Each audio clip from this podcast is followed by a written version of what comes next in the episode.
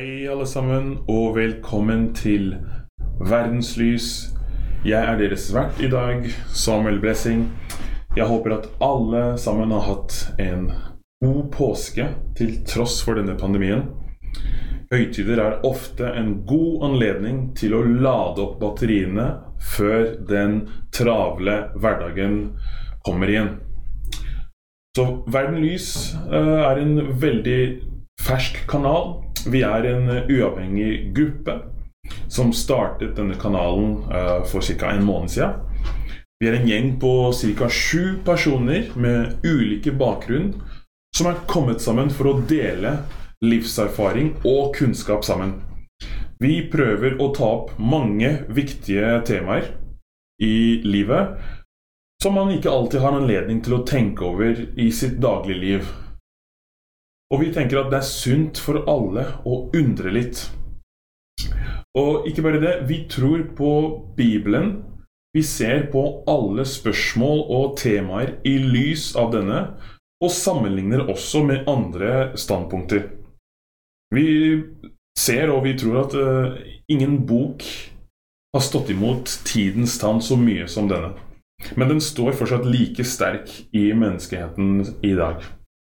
Så enten man har noe kjennskap til livsboken eller ikke, eller at man er bare litt nysgjerrig på å finne ut mer om Bibelens budskap, så er dette podkasten for deg. Og hvis du liker det du hører, ikke nøl med å gi en tommel opp eller dele med dine bekjente. Fordi hvis du liker det du hører, så er sannsynligheten også der for at menneskene som du omgår, også vil sette pris på det. Så ikke nøl med å dele. Og i dag så har vi en, ehm, ja, en flott diskusjon å ta opp. Et flott tema. Hvordan takle tøffe tider. Og vi skal se et blikk på menneskets opprinnelse. Denne pandemien har vært tøft. Den er fremdeles veldig tøff, og vi må holde ut litt til før vi kan gå tilbake til normalen igjen. I tøffe tider Uavhengig av årsak så er det veldig viktig å ruste seg opp mentalt. Det er et ordspråk som jeg personlig er veldig glad i, og det ordspråket fungerer veldig godt for meg. Det er som en mental energishot. Og ordspråket er ikke så innlysende ved første øyekast, men du må la det bare synke inn litt. Det ordspråket sier følgende Hvis du mister motet på trengselens dag, da har du liten styrke. Og man kan si det annerledes. Hvis du mister styrke på nødens dag, så har du liten styrke. Så det, det legger til grunn for at styrke kan kun vises når man er utsatt for motstand. Og det er jo så sant. Ingen av oss eh, kan bygge opp muskler uten å, uten å måtte stå i, for, i, mot motstand.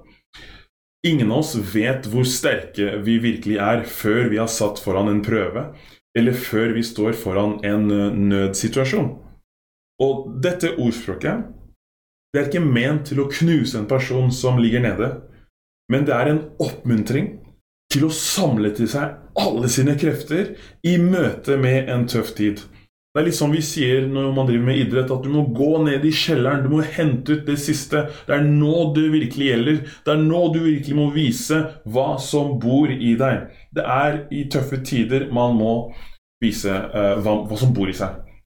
Og i dag, enten man bor i Norge eller de aller fleste steder i verden i dag, så opplever vi en kollektiv trengsel. Men før korona var det også individuelle utfordringer. Og det vil også være utfordringer også etter pandemien. Og for de fleste av oss så kom nok denne, denne pandemien som et, uh, som et tungt tillegg til andre pågående utfordringer som man hadde. Livet, livet er tøft, og det er ikke alle problemer som tilbyr betalingsutsettelse. Men det er også gode nyheter. Den gode nyheten er at man kan bli sterkere. Man kan bli sterkere, man kan ruste seg opp, man kan oppleve det mildere, og det kan skje fort. Det kan gå raskt. Og, og, det er det vi skal se litt nærmere på i dag. Hvordan vi mennesker er bygd opp. Vi mennesker vi har en fysikk, og vi har en syke. Det er de greske ordene fysikk og syke. De samme ordene på norsk betyr at vi har en kropp og en sjel. Når man bruker ordet sjelen i det daglige, så er det folk som fort opplever at dette er et religiøst uttrykk, eller det er ikke vitenskapelig uttrykk. Men de vil tolke ordet syke som en mer vitenskapelig tilnærming. Men sannheten er at de betyr akkurat det samme.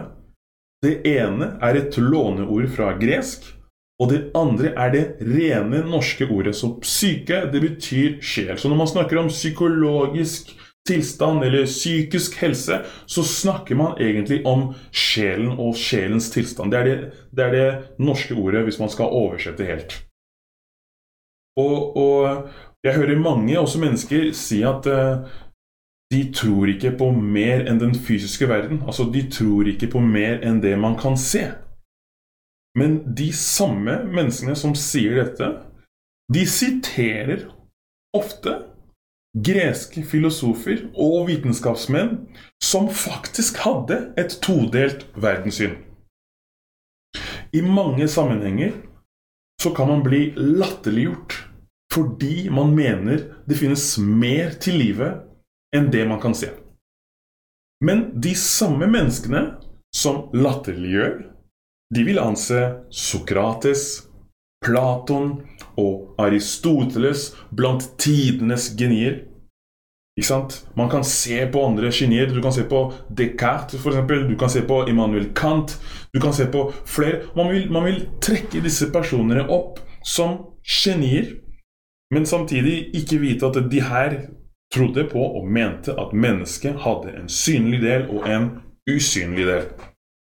Platon, for eksempel, han snakket om atomet for over 2000 år før danske Niels Bohr hadde sin modell klart i 1913. Den første modellen om atomet som man fortsatt eh, ser i dag på skolene. Ikke sant? Og grunnen til at jeg poengterer dette, er fordi det er mange, veldig mange, som tror at man må begå intellektuelt selvmord for å begynne å tro på noe som er overnaturlig. Og det er, en, det er en falsk holdning. En falsk holdning som prøver å skille intelligens og tro. Noen bruker f.eks. uttrykket 'barnetro' sant, i gåse- eller hermetegn. Og de likestiller troen på Gud som troen på julenissen. Og dette under den falske antagelse på at intelligente mennesker ikke tror på mer enn det som kan bevises. Og det stemmer ikke. Og der tar de feil. Mange intelligente mennesker i historien og i dag som tror på Gud, eller tror på noe mer enn det som kan ses, og samtidig um, er velfungerende mennesker, kan vi si. De er ikke dumme, for å si det sånn.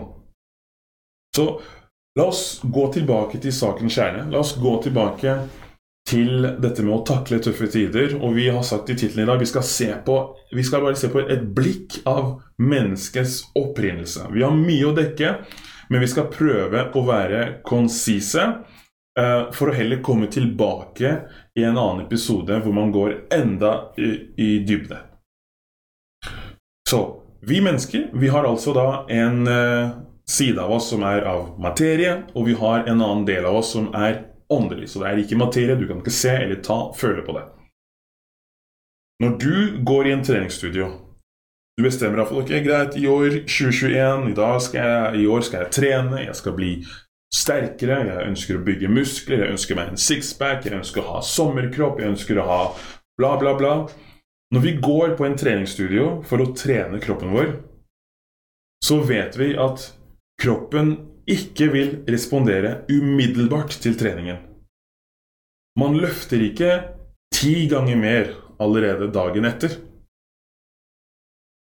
Og størrelsen på musklene øker heller ikke fra en dag til en annen. Kroppen vil måtte tilpasse seg det nye treningsregimet over tid før effektene blir synlige. Det tar noe tid før man kommer i gang. Første, de første dagene man løper, de første dagene man løfter, så brenner, brenner det i musklene. Man er øm dagen dødt på.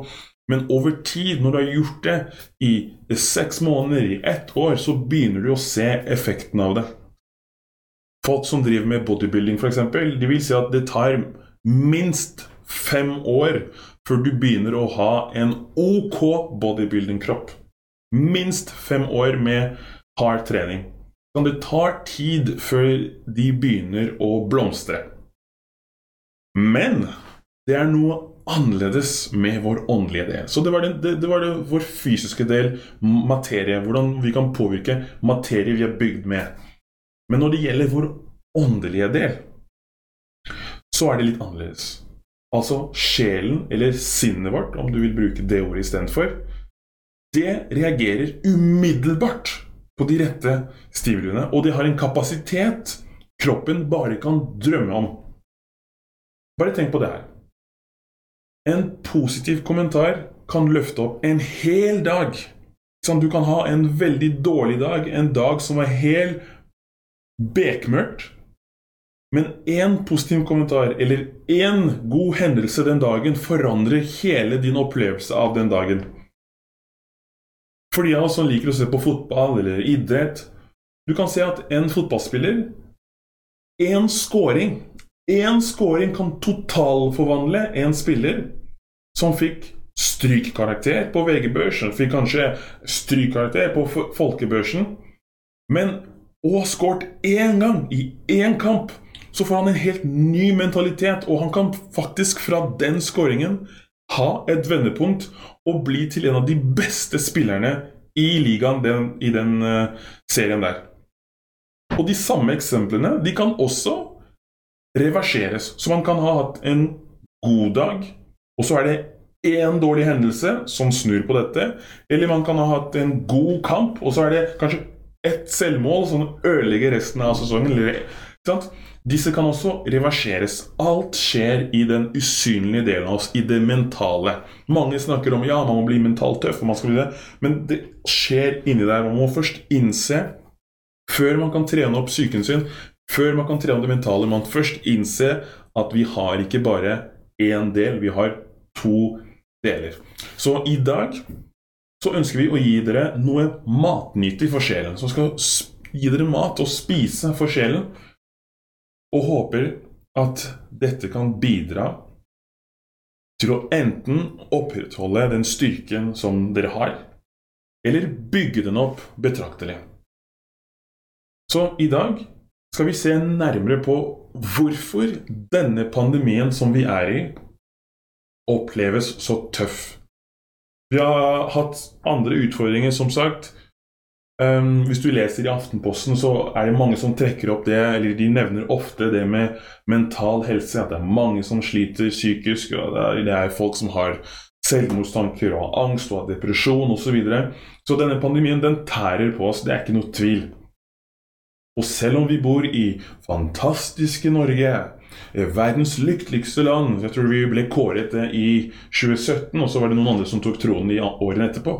Men selv om vi bor i Norge, og selv om du kanskje har klart deg fint økonomisk, kanskje det har gått bra å jobbe hjemmefra for deg, eller å studere hjemmefra, men pandemien er uansett tøff, og den har vært tøff for alle.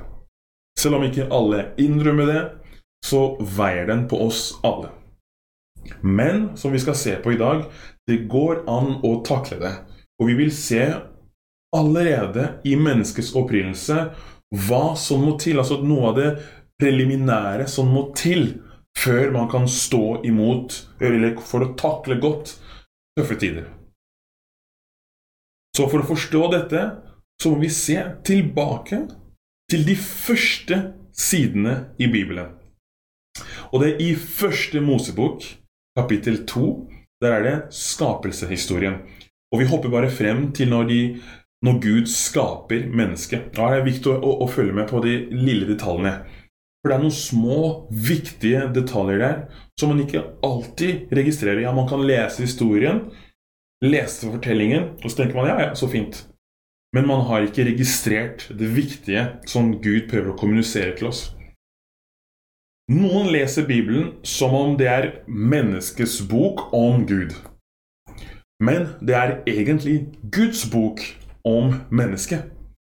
Den inneholder all informasjon om hvem vi er, hva vi er, hvorfor og hvordan vi er. Så som sagt, i første Mosebok, kapittel 2, i vers 7, så blir det første mennesket skapt, og han blir kalt Adam, og Adam betyr menneske. Så det første mennesket blir skapt.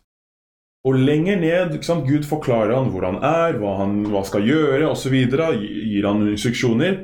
Men lenger ned, i vers 18, så får vi en kritisk viktig informasjon. Jeg sier at det er kritisk. En kritisk viktig informasjon om skapningen, om mennesket. Og der står det i vers 7 at Gud sier det er ikke godt for mennesket å være alene. Og dette, kjære, det er den eneste gangen i skapelsehistorien at Gud poengterer at noe ikke er godt. Den eneste gangen.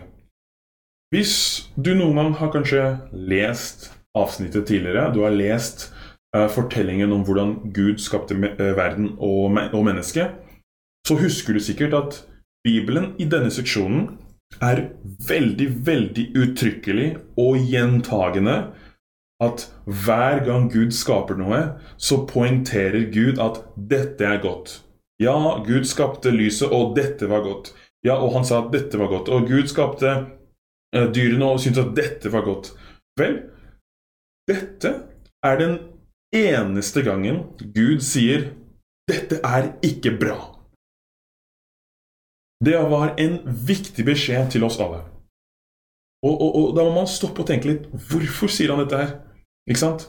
Det er nesten sånn at du har kjøpt en ny produkt fra Elkjøp eller fra Power.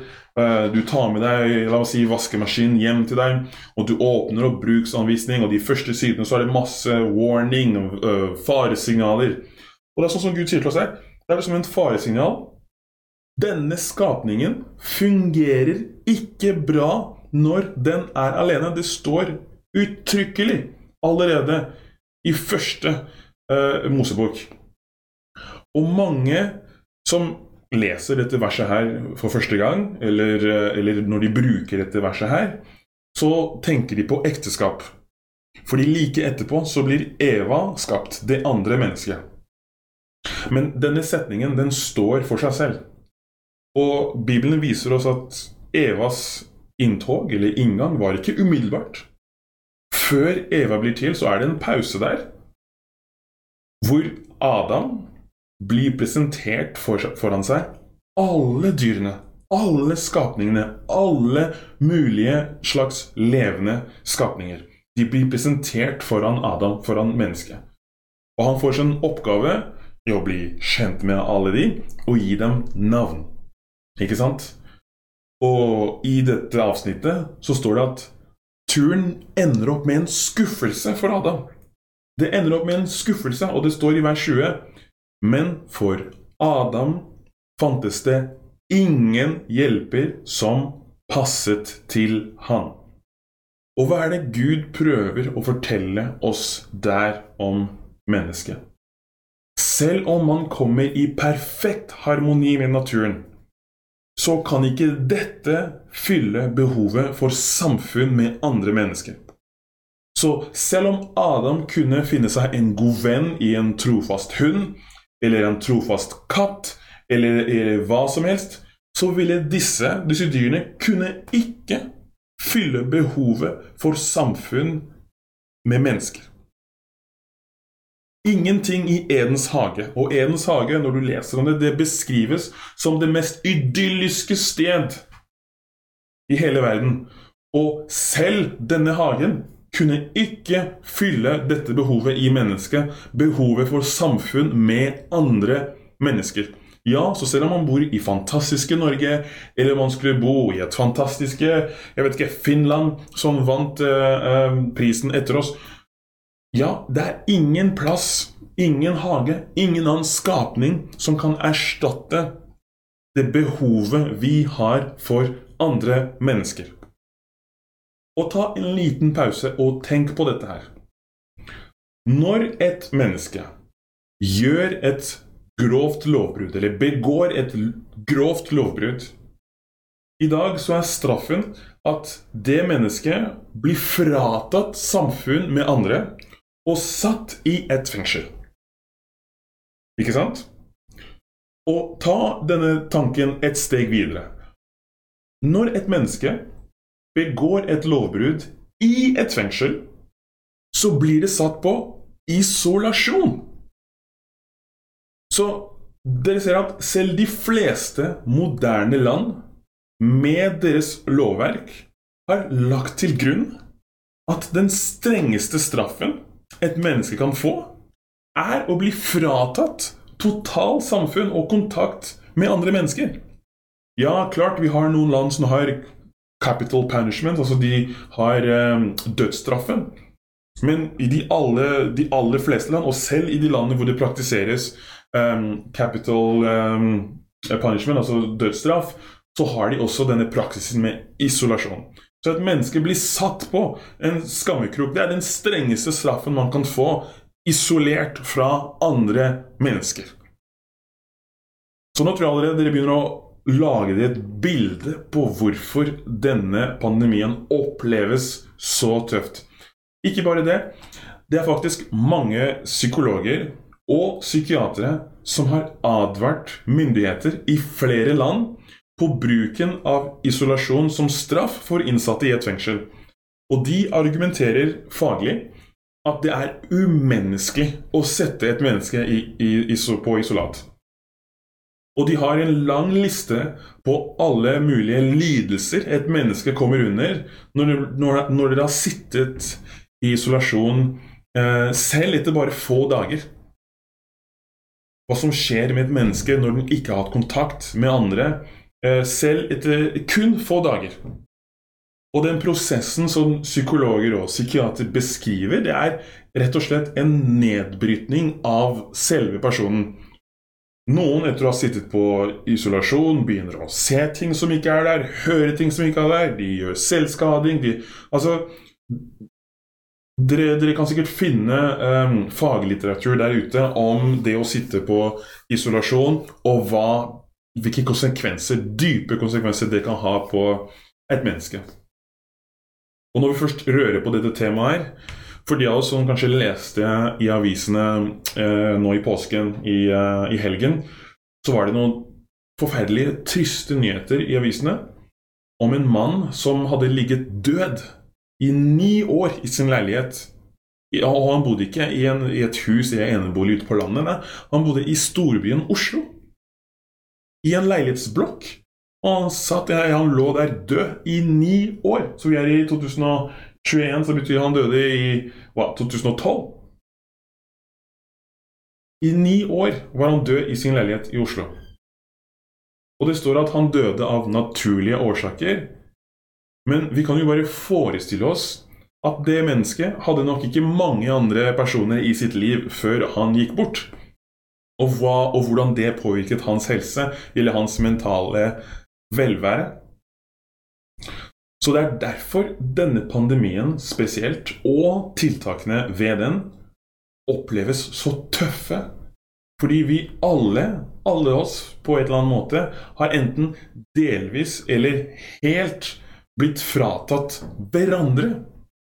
Noen i kortere perioder, og andre i lengre perioder alle oss har på, på, en eller annen måte blitt begrenset sin mulighet til å ha samfunn med andre mennesker.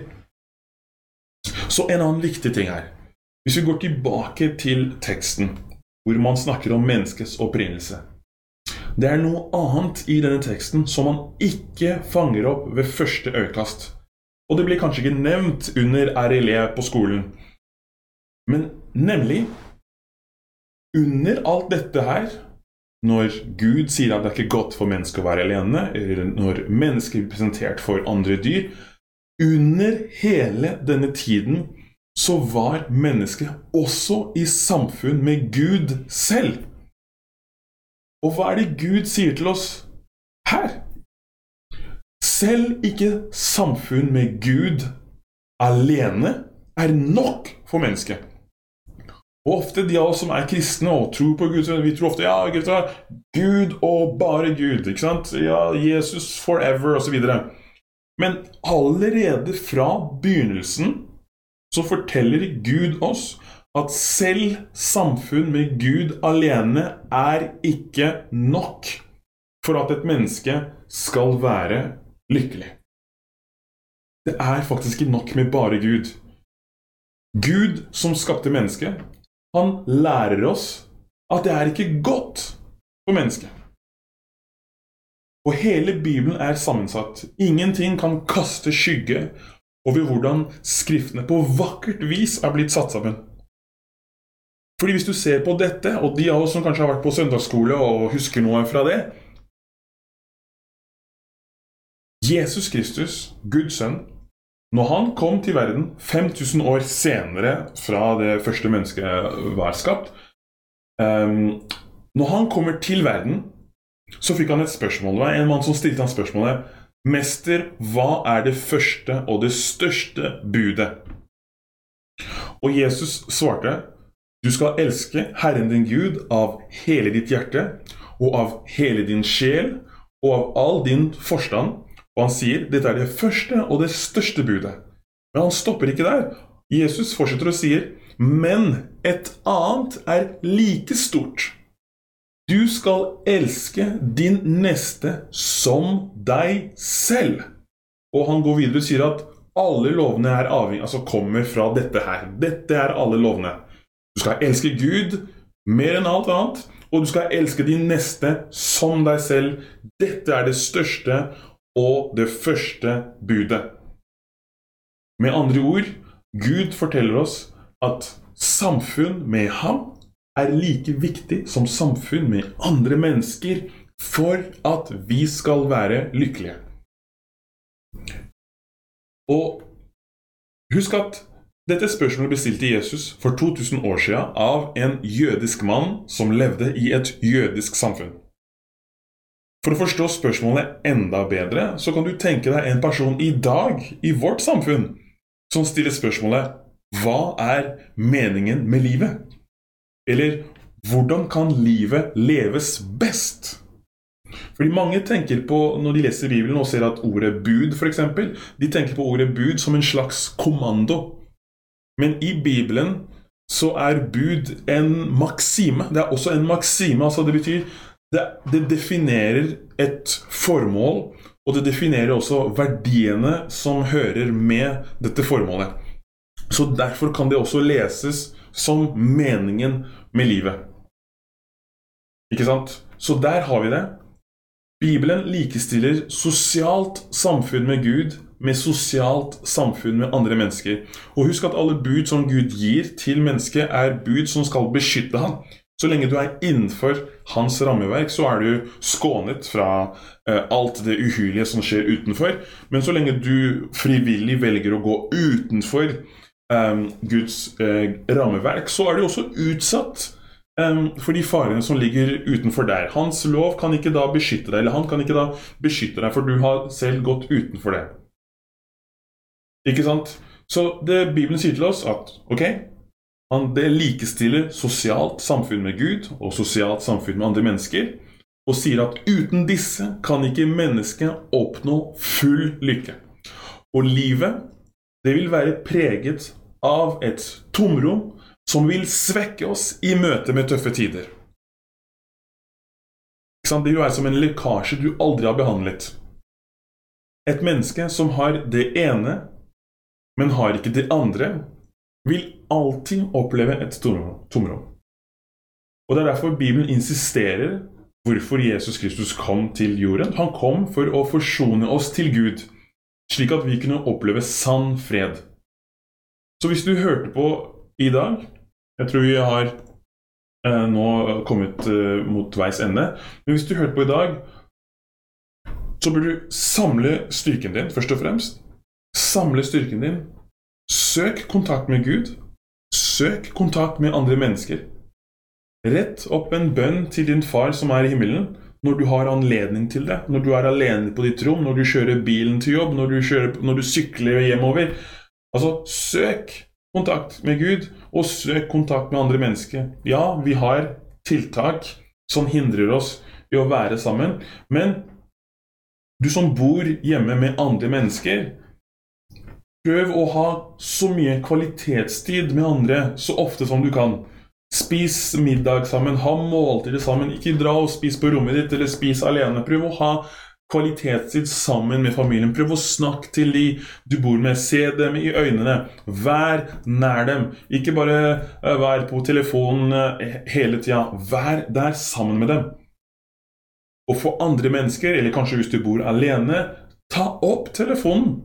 Ring en gammel venn. Vi har kanskje ikke den kulturen i Norge om å bare ringe en gammel venn eh, sånn uh, uanmeldt, men ta opp telefonen. Vi har de beste kommunikasjonsverktøyene i dag, men samtidig så er det den tiden hvor folk er mest ensomme. Og folk var ensomme før korona også. Men, men det paradokset er at vi har de beste kommunikasjonsverktøyene noensinne i historien. Ikke sant? Men det er viljen. Så ta opp telefonen Ring en gammel venn, eller ring en slektning, ring en kollega, og snakk sammen. Kona mi og, og av og til moren min klager ofte på meg når vi er ute og reiser. 'Hvorfor snakker du med personen som sitter ved siden av på flyet?' Eller 'Hvorfor snakker du med kassamannen?' Eller 'Hvorfor snakker du med personen i gata? Du kjenner han ikke.' Fordi Så når du begynner å sette pris på andre mennesker, sette pris på at Vet Du hva? Du snakker ikke med en robot, men du snakker med en person som har opplevelser, som har følelser, som har tanker, som har ideer. Du vil begynne å sette pris og snakke med hvem som helst. Selv om du snakker med et lite barn som er fem år gammel. Mennesker er fantastiske. De er herlige. Du må gi dem sjansen til å kunne vise den herligheten, og de også opplever din herlighet. Så ta opp telefonen, ring noen, og ja, det kan være kleint. Det kan være en ekkel stillhet under eller mellom hver setning. Men vet du hva? Mange gode samtaler starter ofte sånn. Så slå på tråden, eh, kommuniser ut til folk. Det vil hjelpe deg til å fylle dette tomrommet og hjelpe deg med å være sterk og holde ut i tøffe tider. For mange av oss, før pandemien, så, hadde, så var det noen av oss som kanskje ikke hadde Gud, men de hadde mennesker. Og nå er de i en situasjon hvor de verken har Gud eller mennesker. Noen hadde kanskje øh, Før pandemien så hadde de Gud øh, og ikke andre mennesker. Men altså Bruk etter, etter, dagens budskap i dag Prøv å tenke på det som var sagt i dag, og søk kontakt med både Gud og andre mennesker. Og du vil se ditt liv forvandle seg. Du vil se din sjel styrke seg. Vi skal komme tilbake til temaet 'Hvordan takle tøffe tider' i lys av Bibelen. Og det er mange, mange, mange ting vi kan uh, røre på. Men med denne stormen av ensomhet så var det så, så viktig å få frem dette her. Jeg håper at uh, du var velsignet med dagens podkast. Vi prøver alltid å gjøre det uh, kort og konsist, men samtidig langt nok til at man kan utfolde litt. Så legg gjerne igjen en kommentar hvis det var noe du savnet, eller, eller eller en kommentar, en kritikk. Vi elsker å lese fra dere. Så legg igjen en kommentar, lik eller del med andre. Og vi ses til neste gang.